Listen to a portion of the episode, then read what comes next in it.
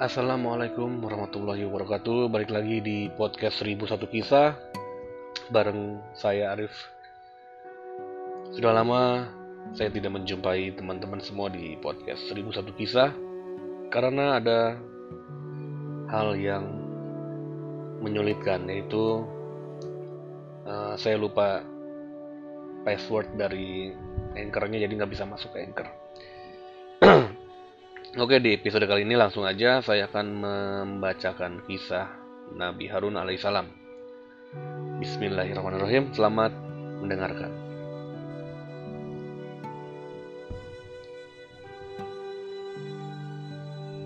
Kisah Nabi Harun merupakan saudara Nabi Musa yang sama-sama diutus untuk Bani Israel.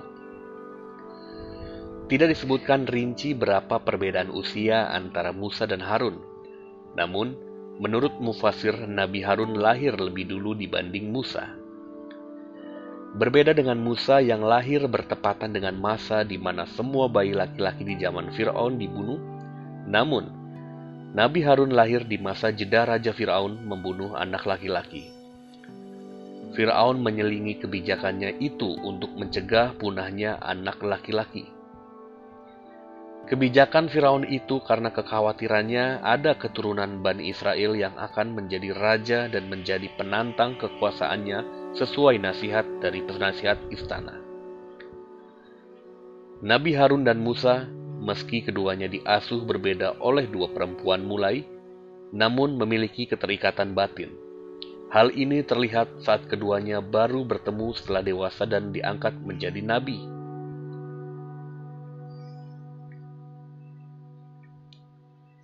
Musa mengadu kepada Tuhannya tentang apa yang ia takuti dari Firaun dan bala tentaranya menyangkut peristiwa pembunuhan yang dilakukannya. Musa pun mengadu kepada Tuhannya tentang kekakuan lidahnya, karena sesungguhnya lisan Musa mengalami kekakuan yang membuatnya tidak dapat berbicara terlalu banyak. Dan Musa meminta kepada Tuhannya agar ia dibantu oleh saudaranya, yaitu Harun, yang kelak akan menjadi juru terjemahnya terhadap banyak perkataan yang ia tidak dapat mengungkapkannya secara fasih. Maka Allah mengabulkan permintaannya dan melepaskan kelakuan lidahnya. Lalu Allah menurunkan wahyu kepada Harun dan memerintahkan kepada Musa agar menemui Harun. Maka Musa berangkat dengan membawa tongkatnya sampai bersua dengan Harun. Setelah itu, keduanya berangkat menuju negeri tempat Firaun berada. Keduanya sampai di depan pintu istana Firaun dan berdiam selama beberapa lama karena tidak diberi izin untuk masuk. Kemudian, keduanya diberi izin sesudah mendapat rintangan yang sangat keras. Lalu keduanya berkata, seperti yang diceritakan oleh firman Allah Subhanahu wa taala. Sesungguhnya kami berdua adalah utusan Tuhanmu. Surat At-Toha ayat 47. Fir'aun bertanya, Siapakah Tuhan kamu berdua? Keduanya menjawab, Fir'aun dengan jawaban seperti yang dikisahkan oleh Allah di dalam Al-Quran kepada kita. Fir'aun bertanya, Lalu apakah yang kamu berdua inginkan? Firaun teringat akan peristiwa pembunuhan yang telah dilakukan oleh Musa, tetapi ia tidak dapat mengatakannya karena pembicaraan telah mengarah ke topik lain. Musa menjawab, "Saya menginginkan agar engkau beriman kepada Allah dan melepaskan kaum Bani Israel untuk pergi bersama kami." Firaun menolak permintaan Musa dan berkata, "Datangkanlah suatu tanda atau mujizat jika engkau termasuk orang-orang yang benar. Maka Musa melemparkan tongkatnya.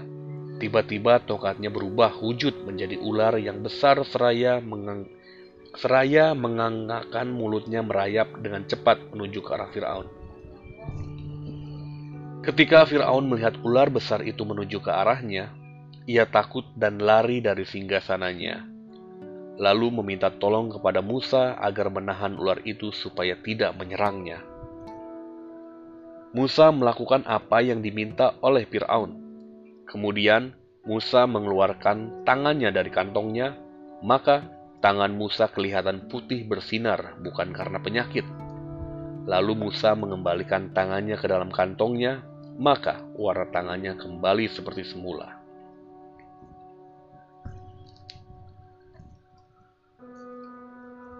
Firaun bermusyawarah dengan para pejabat yang ada di sekitarnya. Menanggapi apa yang telah dilihatnya, maka mereka berkata, ma maka mereka berkata kepada Firaun, seperti yang diceritakan oleh firman-Nya. Dua orang ini adalah benar-benar ahli sihir yang hendak mengusir kalian dari negeri kalian dengan sihirnya dan hendak melenyapkan kedudukan kamu yang utama. Surat At-Toha ayat 63 yakni bertujuan hendak melenyapkan kerajaan mereka yang menjadi tempat hidup mereka. Firaun dan orang-orang terdekatnya menolak, tidak mau memberikan kepada Musa sesuatu pun yang dimintanya. Bahkan mereka berkata, mereka berkata kepada Firaun, Kumpulkanlah semua ahli sihir yang banyak didapat di negerimu untuk menghadapi dua orang ini, sampai sihirmu menang atau sihir keduanya. Maka Musa dan para ahli sihir itu mengadakan suatu janji pertemuan pada hari raya, dan hendaknya pertandingan mereka disaksikan oleh semua orang di waktu duha. Ibnu Abbas mengatakan kepadanya, bahwa yang dimaksud dengan hari raya itu adalah hari Asyura. Pada hari itu, Allah Subhanahu wa taala memenangkan Musa atas Firaun dan para ahli sihirnya. Setelah mereka bertemu di suatu lapangan yang luas, maka orang-orang yang menyaksikan sebagian dari mereka mengatakan kepada sebagian yang lain, "Marilah kita berangkat untuk menyaksikan pertandingan ini. Semoga kita mengikuti ahli-ahli sihir jika mereka adalah orang-orang yang menang." Selama berada di pengasingan di Padang Tih, Nabi Harun yang dipercaya Musa untuk memimpin kaumnya selama dirinya menemui Allah di Gunung Sinai sempat terjadi perselisihan antara keduanya.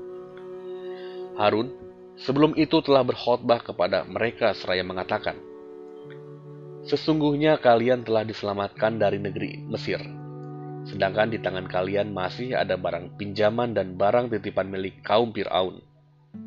Begitu pula sebaliknya, milik kalian masih ada yang tertinggal di tangan mereka.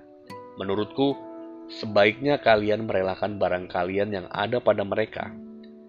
Tetapi aku tidak menghalalkan kepada kalian barang titipan atau barang pinjaman mereka yang ada di tangan kalian. Kita juga tidak akan mengembalikannya kepada mereka barang sedikit pun, serta tidak pula memilikinya buat diri kita sendiri. Lalu Harun membuat suatu galian dan memerintahkan kepada setiap orang yang mempunyai barang atau perhiasan titipan atau pinjaman dari kaumnya Fir'aun untuk melemparkannya ke dalam galian itu. Lalu, semua barang itu dibakar dengan api dalam galian tersebut. Harun berkata, Biarkanlah barang-barang ini tidak menjadi milik kita dan tidak pula milik mereka. Saat itu, Samiri yang berasal dari kaum penyembah sapi yang hidup bertetangga dengan kaum Bani Israel, tetapi ia bukan berasal dari kaum Bani Israel, ikut bersama mereka. Samiri yang menggabungkan diri bersama Musa dan Bani Israel saat mereka berangkat, telah ditakdirkan baginya dapat melihat suatu jejak. Lalu ia memungut segenggam tanah dari bekas jejak itu dan membawanya pergi. Ketika ia berjumpa dengan Harun, Harun berkata kepadanya, Hai Samiri, mengapa engkau tidak melemparkan apa yang ada di tanganmu itu? Samiri menggenggam erat tanah tersebut tanpa ada seorang pun yang mengetahuinya selama itu. Hanya Harunlah yang melihatnya. Samiri menjawab, Ini adalah segenggam tanah bekas jejak Jibril yang membimbing kalian melewati laut itu aku tidak akan melemparkannya walau bagaimanapun. Kecuali jika engkau berdoa kepada Allah bahwa jika barang ini kulemparkan ke dalam api itu, dia akan menjadikan sesuatu menurut apa yang kukendaki. Harun menyetujuinya. Maka Samiri melemparkan tanah bekas jejak na, uh, malaikat Jibril itu ke dalam api dan Harun berdoa memohon kepada Allah. Samiri berkata, saya menginginkan agar ia menjadi anak lembu.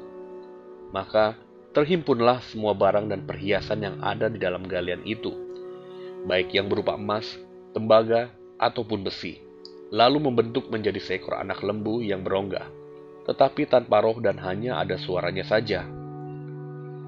Maka kaum Bani Israel berpecah belah menjadi banyak golongan. Segolongan di antara mereka mengatakan, Hai Samiri, apakah ini? Kamu lebih mengetahui tentangnya Samiri menjawab, "Ini adalah Tuhan kalian, tetapi Musa sesat jalan."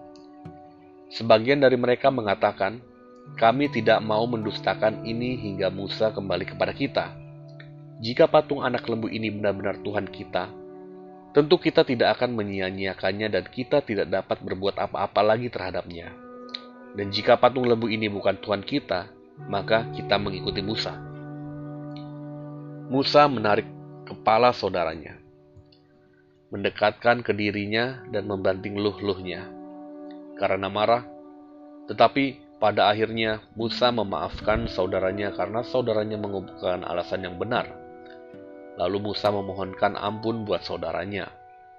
Sesudah itu Musa pergi menemui Samiri dan berkata kepadanya, Apakah yang mendorongmu berbuat demikian? Samiri menjawab, saya memungut segenggam tanah dari bekas lapak utusan Allah, yaitu malaikat Jibril, dan saya mengetahui hikmahnya, tetapi saya sembunyikan dari kalian. Lalu aku melemparkannya dan demikianlah nafsuku memujukku, berkata Musa, pergilah kamu.